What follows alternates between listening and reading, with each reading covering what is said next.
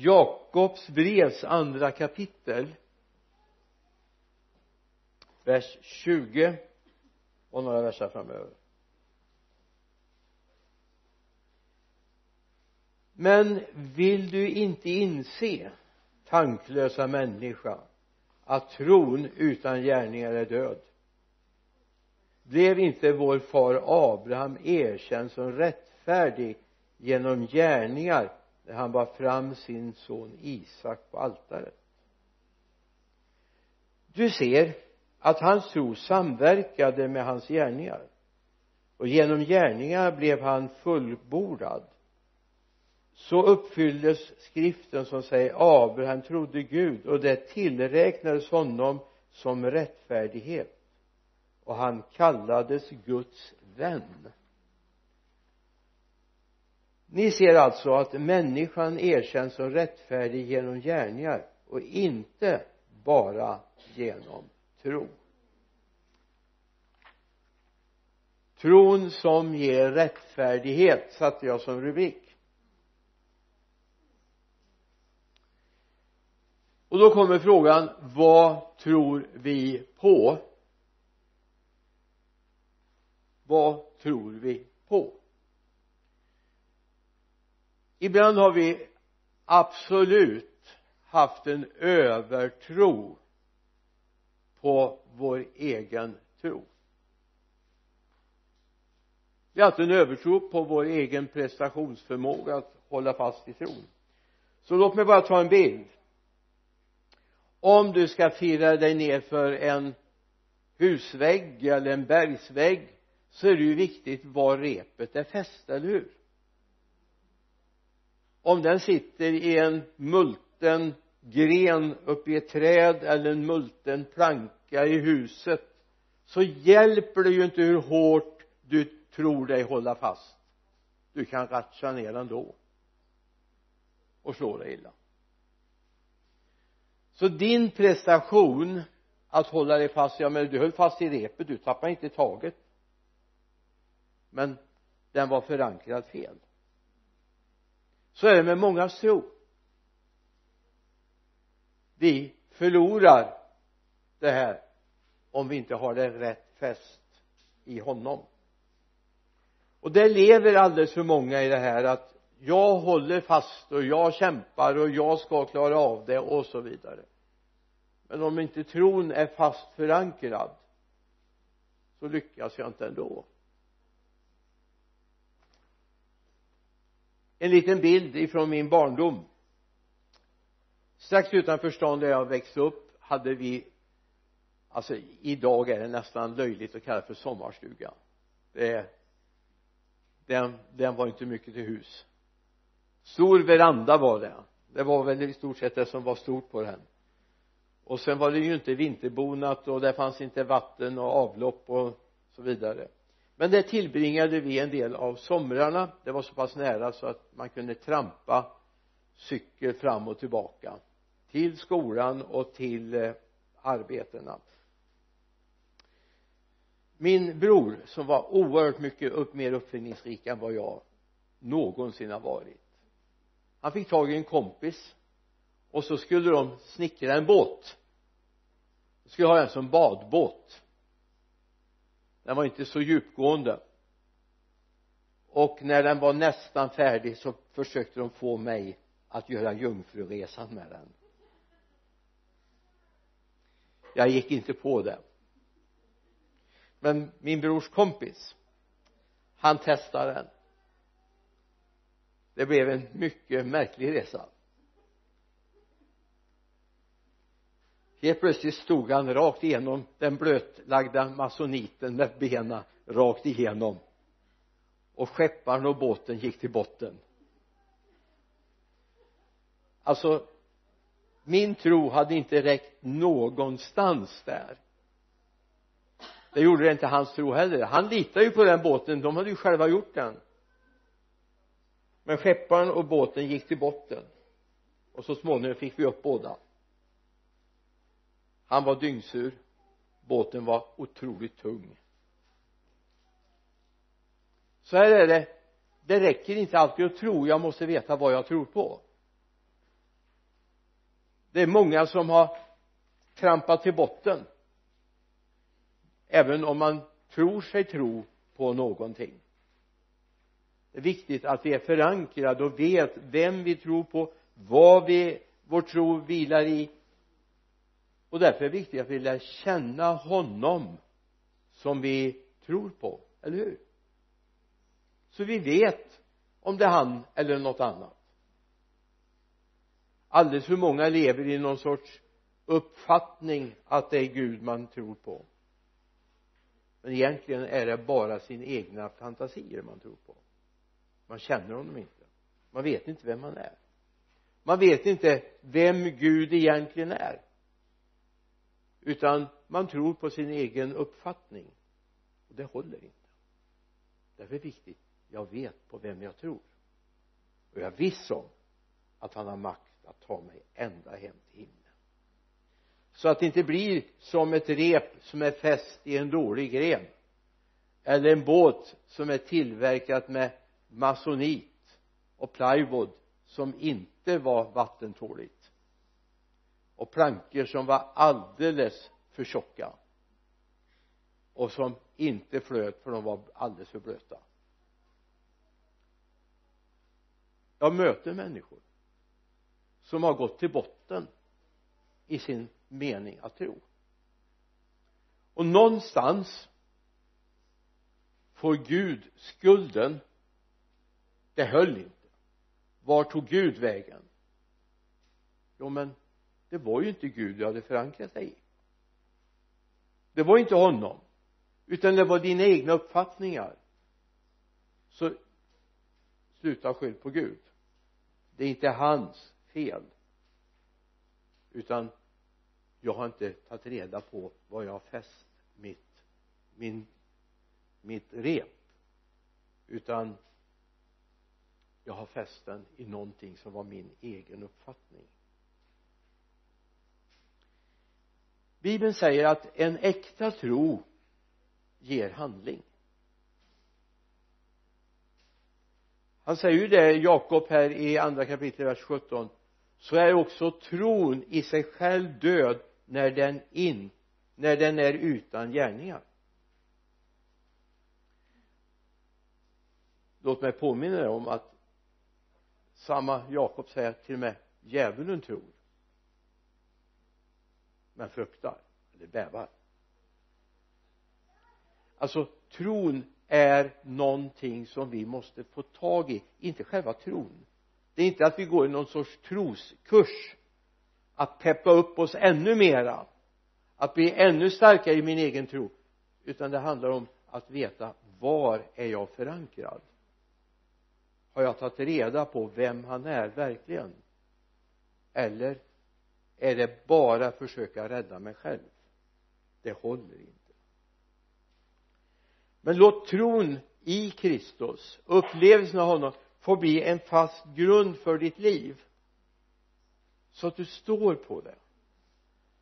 Livet är problematiskt. Vi lever i en ofullkomlig värld. Om vi inte levde i en ofullkomlig värld då skulle jag säga välkomna till himlen. Men det gör jag inte jag vet att vi lever i en ofullkomlig värld. En värld full av den här synden som djävulen har plockat in i den här världen.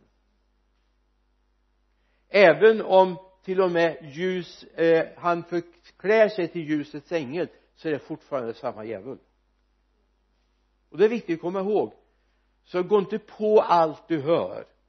Alla ismer du hör om lär känna honom så att du vet jag är grundad i ordet om honom och jag har lärt känna honom personligen. Jag kan säga jag vet.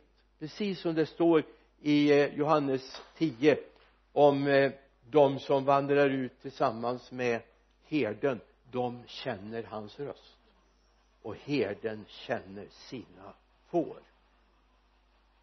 Det förhållande kan vi få så vi behöver inte vara oroliga vi behöver inte alls vara oroliga om vi bara känner igen rösten. Då kan vi följa med i den mest mörka avsatser eller avgrundsliknande områden därför jag vet vem jag tror på. Och jag känner att det är han som går med mig. Jag jag hade en kollega som var alldeles blind. Totalt blind. Det var kolsvart bodde uppe i Nordmaling. Lögdjo utanför Nordmaling bodde han. Heter Sixten. Kan jag nöja mig med att ta förnamnet. Han heter Sixten. När han var ute och gick så ibland kom han ju till passager där hans käpp inte kände igen sig längre. Han var inne i, i Nordmaling och skulle handla. Men han var oerhört känslig han följde inte med vem som helst som erbjöd honom att gå med. Han var väldigt känslig. Kände han inte igen rösten så avböjde han. Tills någon kom som han kände igen rösten. Jag tänkte ibland finns det röster som vill erbjuda oss att följa med. Ibland borde vi avböja därför vi känner inte rösten. Ha med den bilden det är viktigt att vi känner rösten på honom som har kallat oss med en helig kallelse. I Hebreerbrevet det elfte kapitlet. Jag älskar elfte kapitlet. Men vi hinner inte ta hela elfte kapitlet nu om trons gestalter och här skulle vi kunna läsa om Abraham och så vidare va? Men vi läser inledningen då sa jag tron är en övertygelse om det man hoppas. En visshet om ting som man inte ser. Tron är en övertygelse om det man hoppas.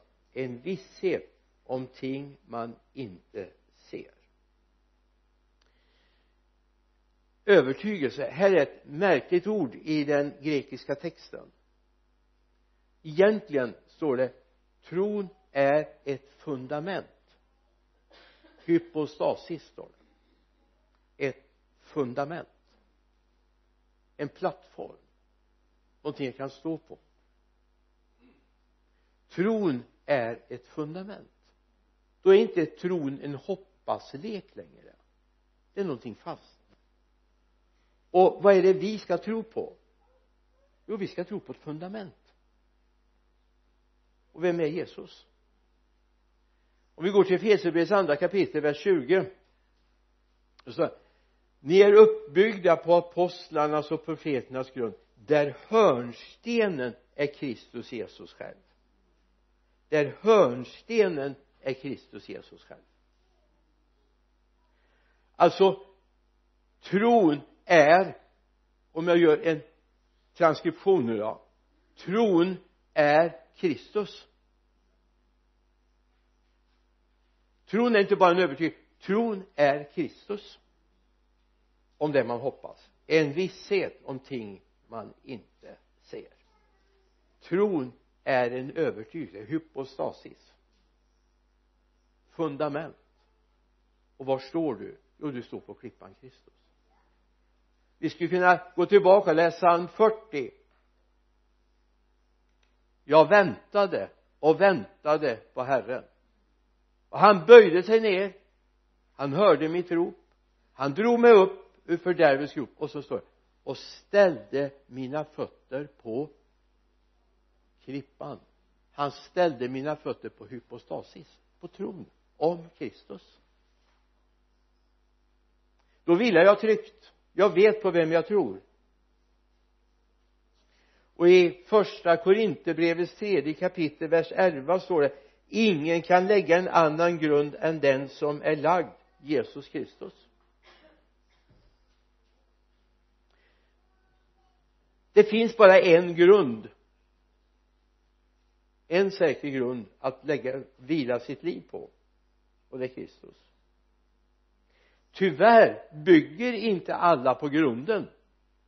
Det byggs mycket i den här tiden många bygger sina liv men inte på den stadiga grunden. Utan man bygger på pengar, karriär, popularitet ismer trosuppfattningar som inte är grundade i Kristus. Och då ser världen ut som den gör. Då ser världen ut som den gör. Vi vet att man har stora problem inom psykiatrin, ungdomspsykiatrin framför allt när människor inte hinner passera upp till tonåren och är less i livet då är det någonting som är fel så vi i vuxenvärlden har någonting att fundera över. Vad skickar vi med nästa generation? Tryggheten på klippan Kristus. Att vi berättar här står vi. Det här vet vi om. Okej okay, livet är svårt. Det blåser motvind. Det är problem. Men jag vet var jag står och jag vet att det finns en som har makt att bevara mig ända fram till den dagen jag är hemma hos honom. Inte på grund av min egen förträfflighet och fullkomlighet utan på grund av honom. Så det är viktigt att vi berättar för mig lägg ditt liv på en sann grund. Den finns. Den finns inte ibland alla politiska uppfattningar idag men den finns hos Jesus ingen annan grund kan vi bygga på om det ska hålla än på klippan Kristus. Det är viktigt. Gudstron jag skulle kunna byta ut det uttrycket och säga förtröstan tillit. Det är inte bara en teoretisk tro. Det finns en tillit. Jag vet vem jag tror på jag vet vad jag har ställt mina fötter jag vet vad jag har byggt mitt liv på. En tro som ger en tillit till Gud det är det vi behöver. En tro som gör att jag blir mer förankrad i honom inte mer känner mer krav att prestera och vara duktig. För det kan vara så illa som med det där repet jag berättade från början du får hålla hur krampaktigt du vill i repet. Men är det inte förankrat så håller det inte. Om du bygger ditt liv på en sandig mark istället för på Kristus så kommer det förr eller senare skaka och huset ditt liv kommer rasa ihop.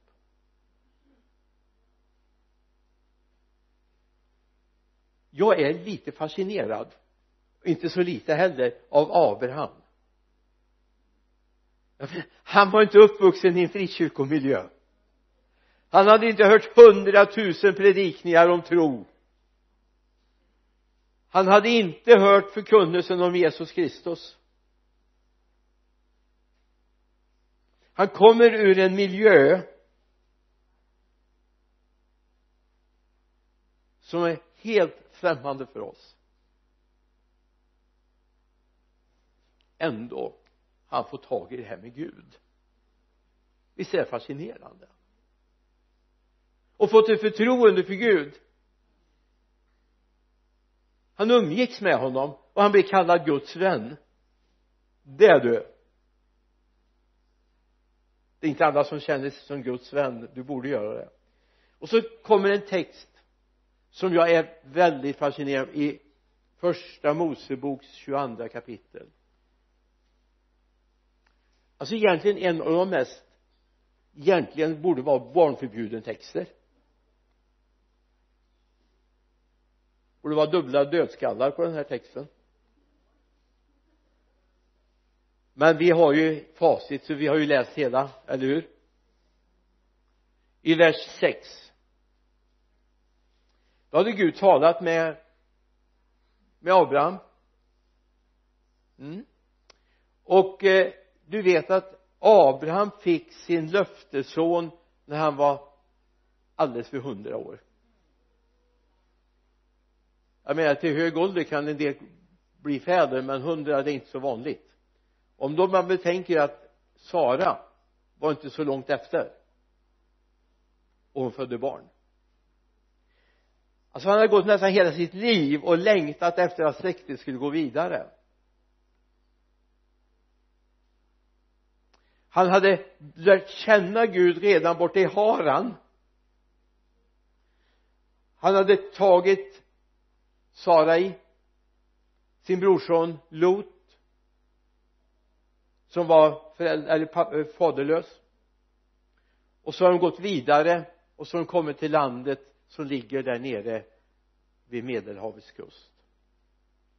Där bor han i tält ihop med sin brorson de har varsina jordar. Och eh, brorson får välja var någonstans han vill beta. Och han drar sig söderut. Och Abraham är kvar i bergsbygden. Men hela tiden finns det någonting i Abrahams hjärta jag behöver en son. Släktet ska gå vidare. Precis som hans far Teran hade fått Abraham för att släktet ska gå vidare så hade han också ett behov. Och så gör han sina misstag och det kan vi släppa just nu.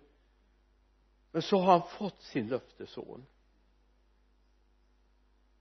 Alltså jag förstår mycket väl Perianna och, och glädjen här över barnbarnet. Dotterdottern. Visst. Vad tror du Abraham känner? Han har en löftesson. Det uppdrag han hade av Gud skulle gå i arv. Det var Gud väldigt tydlig med. Det var inte Ismael som skulle bära arvet vidare utan det var Isak. Och i det här skedet så säger Gud du ska offra Isak. Och du vet när man offrade på den tiden så var det inte bara att man gick till templet och så gav man några turturduvor för det och så var det allt. Utan då var det verkligen blodigt allvar. Det förstår vi på den här texten när vi kommer till vers 6 Abraham tog veden till brännoffret och la den på sin sons Isak. Själv tog han elden och kniven och de gick båda tillsammans. Isak sa till sin far Abraham far. Han svarade jag är här min son. Han sa vi har elden och ved men var är lammet till brännoffret? Kan du känna in? Abraham vet. Isak det är du. Det är du. Det är du som ska offras på elden. Det är dig kniven ska användas till. Men det säger han inte. Han säger Abraham sa Gud kommer att utse åt sig lammet till brännoffret min son. Så fortsatte de sin vandring tillsammans alltså den här texten borde ju vara barnförbjuden. Eller hur? För så här långt vet vi ju inte om Isak är med tillbaka. Ja vi vet ju det. Vi har ju läst igenom. Vi har läst om det här vid flera tillfällen även i nya testamentet. Men det finns någonting i Abrahams hjärta som vi inte får missa och som kom så småningom räknas honom till rättfärdighet. Och som kommer innebära att Gud till och med kommer att kalla honom för sin vän. Men det krävdes ett offer först. Det krävdes att han var beredd att säga okej okay, Gud. Tack för tiden det var. Du gav mig min löfteson eller din löfteson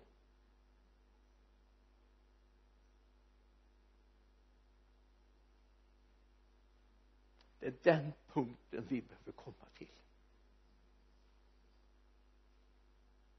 Det är här vi börjar tala om tro. Tillit. Att våga lita på Gud. Alltså vi har så mycket förbehåll Gud. Jag tror gärna på dig bara det går bra för mig.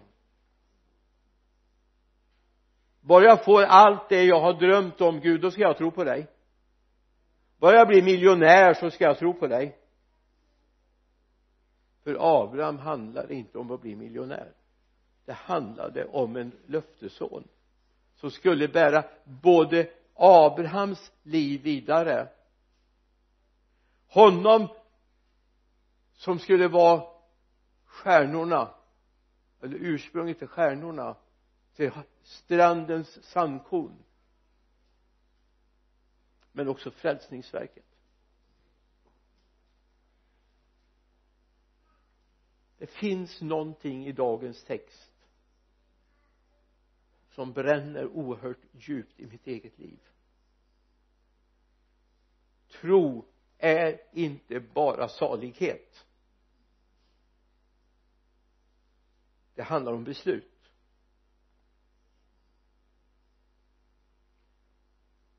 För Abraham var det här punkten.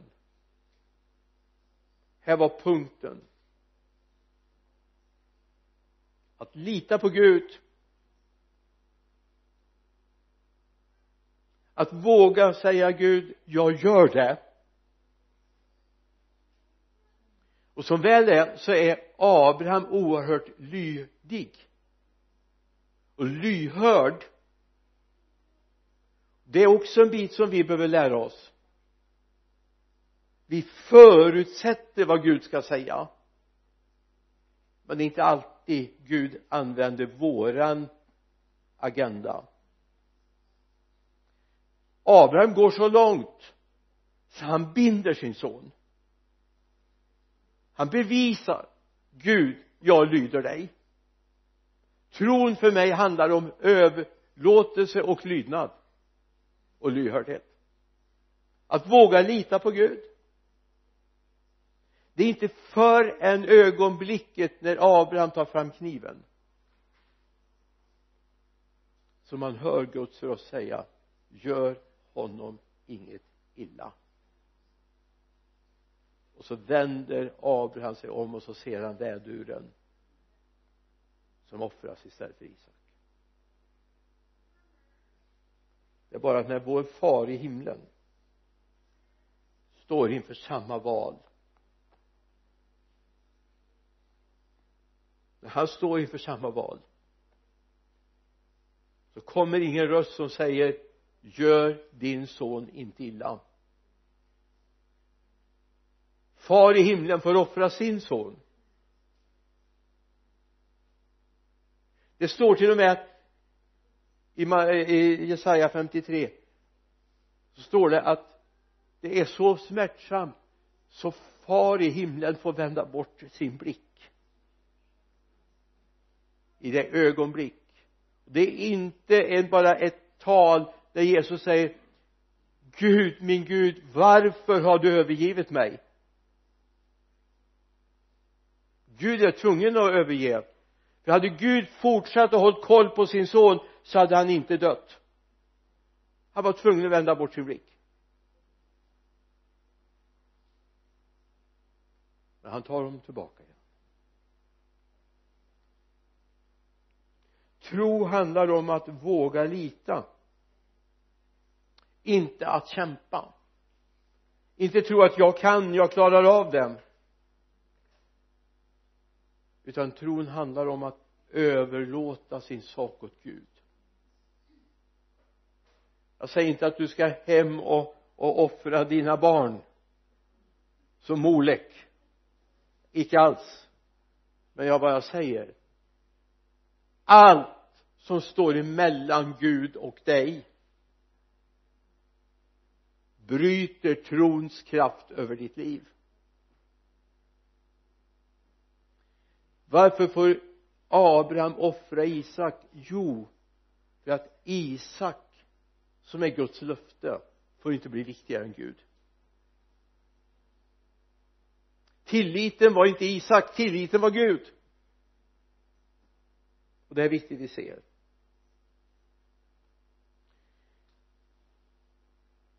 Tro är inte prestation.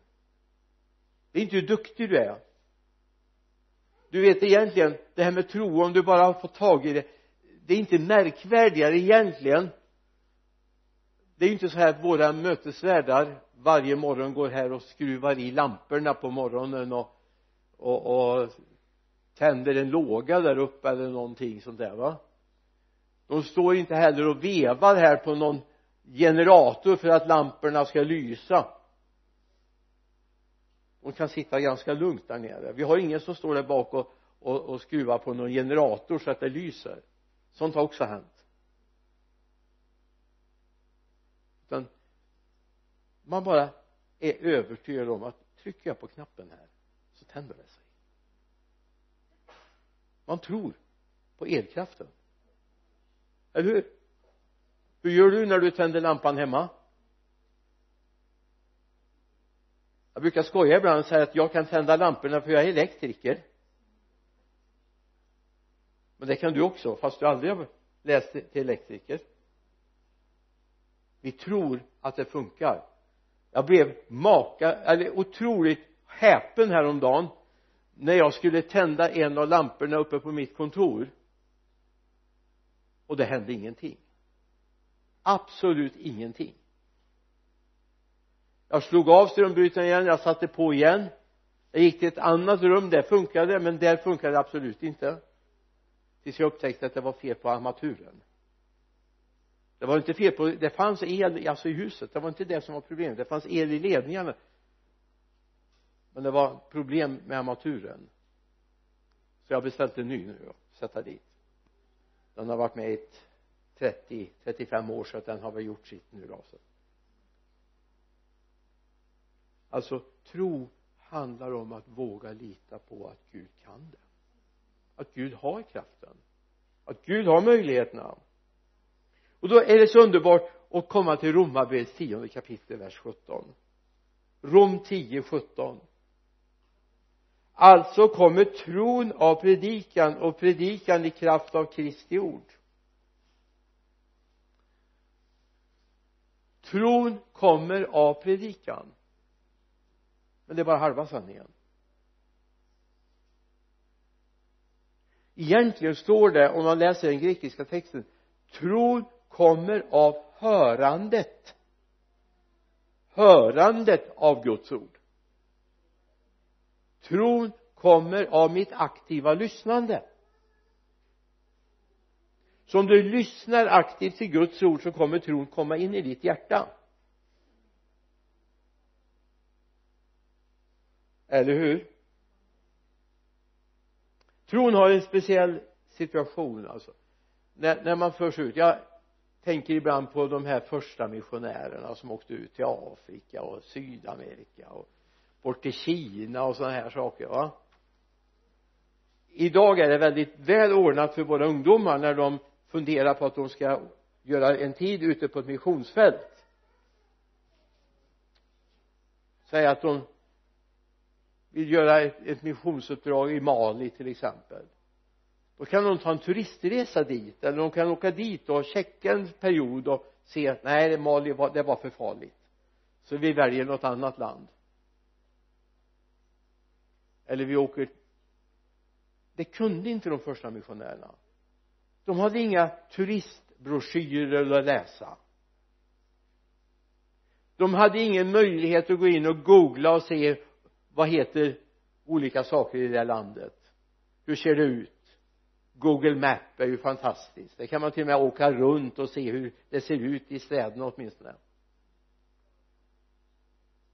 Det kunde de inte. Tänker på Daniel Berg som döptes här 1899 den här dopgraven. 15 år gammal. 15 år gammal. Bara en fem sex år senare kanske knappt det fyra fem år så är det arbetslöshet här i vårt land början av 1900-talet han emigrerar till USA. Där träffar han en god vän blev god vän. Heter Gustav Wingren borta från Linköping. De här två jobbar ber funderar vad ska vi göra av vårt liv? Och så har vi mött några i hamnstaden där som kom med en båt nerifrån det som skulle visa sig vara Sydamerika. Och de berättade om hur mycket det behövdes där nere med hjälp. Så då tar de och hyra på båten. De betalas ingen biljett utan de jobbar sig över till norra delen nordöstra delen av det som nu är vi kallar Brasilien. Daniel Berg och Gustav Wingren hade aldrig varit där. Visste inte hur det såg ut, visste inte vilket språk de talade en gång. Hade ingen aning. De förstod att det inte var engelska de talade i alla fall och inte svenska. För Sverige har haft väldigt lite kolonier där borta i den delen av världen. Så de åker dit. Gustav Wingren försöker predika. Daniel Berg jobbar och försörjer dem bra fördelning tycker jag. Men de visste ju inte. Och det var ju inte bara liksom att ta första flyget hem. Utan man var tvungen att få en båt hem igen om man skulle och hem var då USA för dem. Om man ledsnade vid. Eller de som åkte, de första som åkte till Indien. Engelsmännen, William Carey till exempel. De bara hade förstått att världen var inte bara England bara Storbritannien. Det var lite mer. Det här kallar jag för tro. Sätta allt på spel därför man tror på Gud och vill följa honom. Så det är viktigt att vi ser tron är lite mer än bara att vi ja lever vårt vanliga liv och så tror vi på Gud också tron måste få mer konsekvenser i våra liv. Mer konsekvenser i vår prioritet. Det är inte en lyxtillvaro att vara kristen. Det är ett tufft jobb. Det handlar om överlåtelse. Därför jag litar på Gud. Abraham gjorde ingen turistresa till Moriaberg med Isak. Det var blodigt allvar. Var är ditt blodiga allvar? Vad är det värt? Vad är det värt att känna Gud? Lyssna. Ingen åtminstone förståndig människa planterar en fruktträdgård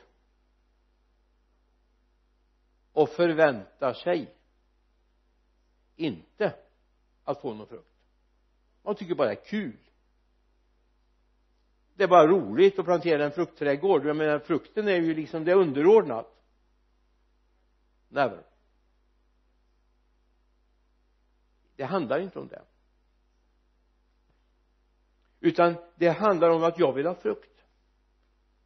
När Gud planterade dig och mig och tog emot oss och vi fick bli hans barn så hade han en plan med det när jag läser om eh, den som går omkring och väntar på att få skörd så tänker jag lika mycket på Gud i himlen. Han har planterat en fruktträdgård. Du och jag. Han väntar på frukt. Han tror på frukt. Han förväntar sig frukt. Aposteln Jakob är tydlig med tron får konsekvenser i våra liv tron får konsekvenser. Det är ingen extravagans att vara troende tron är blodigt allvar. Om vi går till Jakob igen andra kapitlet vers 14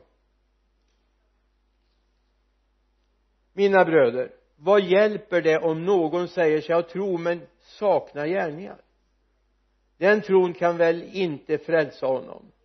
Om en broder eller syster saknar kläder och mat för dagen och någon av er säger till dem gå i frid kläd er varmt ät er mätta. Men inte ger dem vad kroppen behöver. Vad hjälper det? Så är också tron i sig själv död när den är utan gärningar. Så här långt kan vi nog klara det. Men om vi går sen till Matteus 25 Matteus 25 vers 35 och 36 här är när slutdomen ska fällas. När vi har liksom ska göra räkenskap för vårt liv. Det är bara en som kan ställa oss inför den domen och det är vår Gud i himlen, vår far i himlen.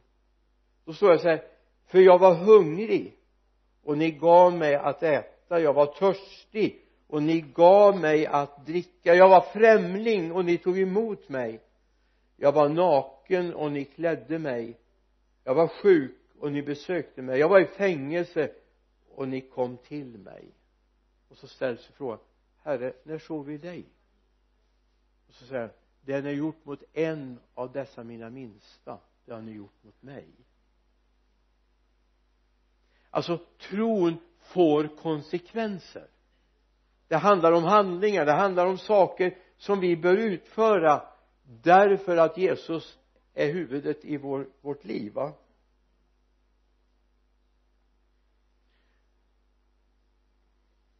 Spänner du fast säkerhetsbältet nu?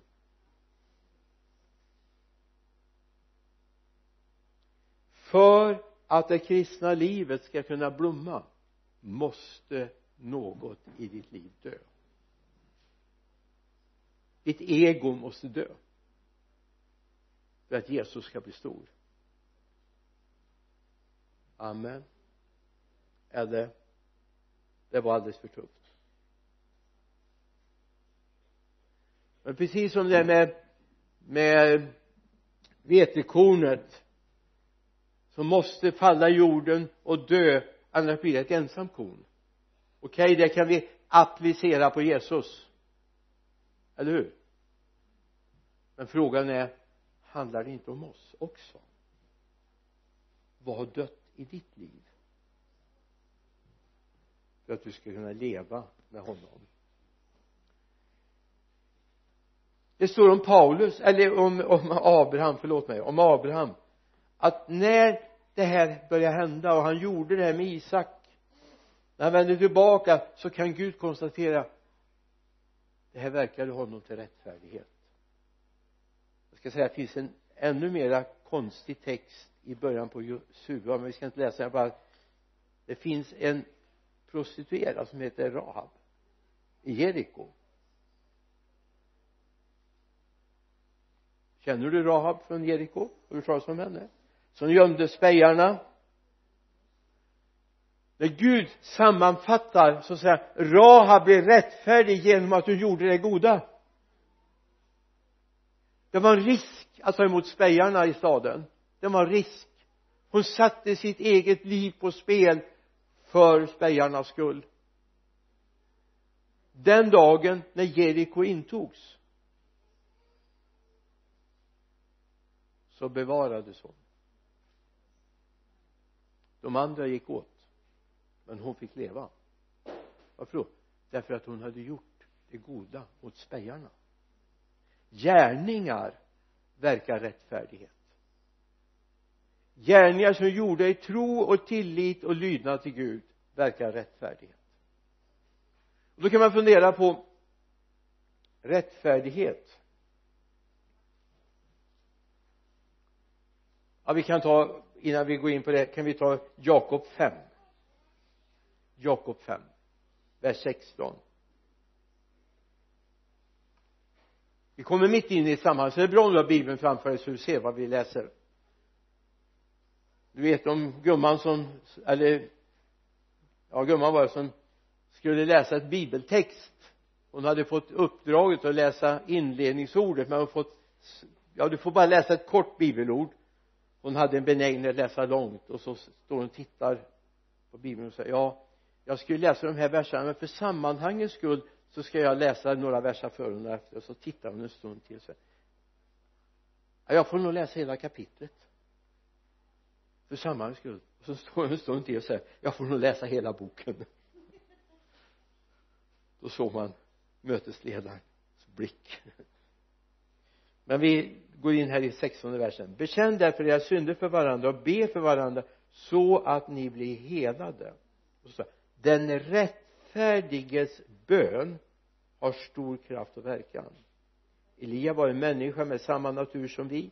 Han bad en bön att det inte skulle regna. Då regnade det inte över landet under tre år och sex månader. Sedan bad han igen. Och då gav himmelen regn och jorden bar sin gröda den rättfärdiges bön. Nu är det så här det är ingen självrättfärdighet vi talar om. Det är inte jag slår mig för bröstet och säger att jag är rättfärdig utan det är någonting Gud förklarar mig rättfärdig. Precis som om jag står inför skranket så kan inte jag säga jag kan hävda att jag är oskyldig. Visst. Jag kan hävda att jag är oskyldig men det är inte jag som avgör om jag blir utan straff. Det gör domstolen. Så är det också i Guds värld. Du kan inte hävda att jag är rättfärdig. Det är någonting Gud förklarar dig rättfärdig. Den högste domaren. Det är han som förklarar. Och en rättfärdigs bön den som Gud har förklarat rättfärdig dens bön har stor verkan säger Jakob. Så det är viktigt att om du ska gå in i ett bönuppdrag ska gå in i en bönetjänst så är det viktigt att du förklarar rättfärdig från Gud. Och det är lite mer. Alltså i den gruppen som är förklarad rättfärdiga kan det finnas både brottslingar och annat. Men som har fått nåd upplevt frälsning fått nytt liv. Och det är viktigt att vi får tag i det vad är att vara rättfärdig? Min synd är förlåten. Min skuld är förlåten. Amen. Nej men jag är rättfärdig då är jag förklarad rättfärdig för att komma till himlen. Det är det som gör att jag har en boarding card så jag kan komma med på resan. Det är Guds rättfärdighet. För många av oss när vi tittar i backspegeln så kan vi konstatera att allt stod inte väl till alltid. Alla beslut, alla handlingar, all tro har inte alltid varit okej. Okay. men på grund av Guds nåd och min bön om förlåtelse så har jag fått nåden att bli förklarad rättfärdig.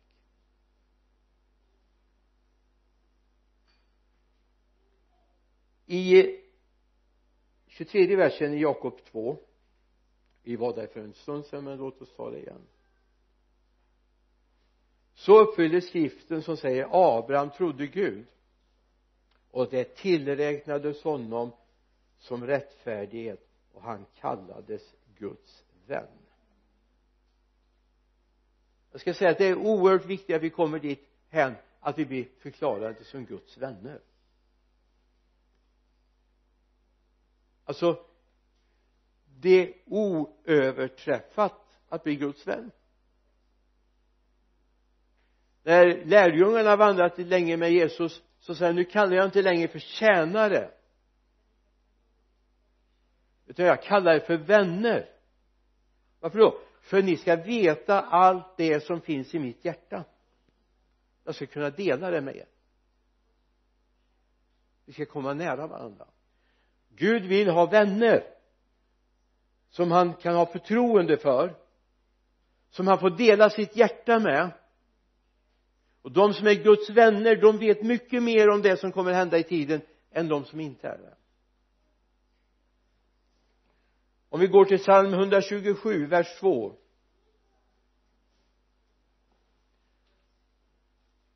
i vers 1 står det lite grann om att de inte Herren arbetar tillsammans med oss på huset så arbetar vi fåfängt.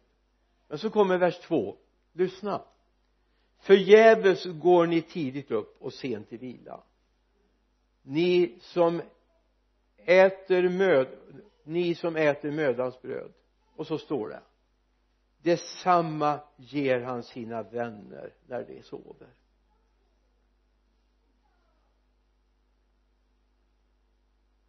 Alltså det betyder att Gud ger av nåd. Gud ger av nåd. Och det är viktigt att vi får tag i det.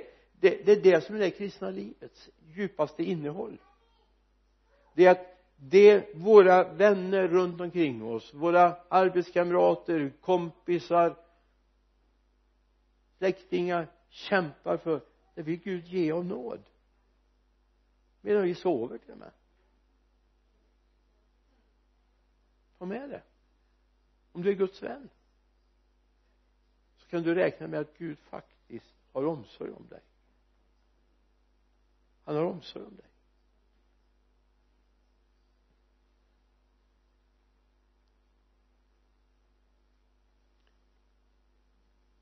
Gud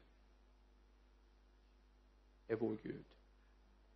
Och tron som landar skapar gärningar inte på grund av prestation men precis lika naturligt som fruktträdet bär frukt bär mitt liv frukt. Varför då? Gud bor där inne. Gud bor där inne. Alltså här inne bor Gud.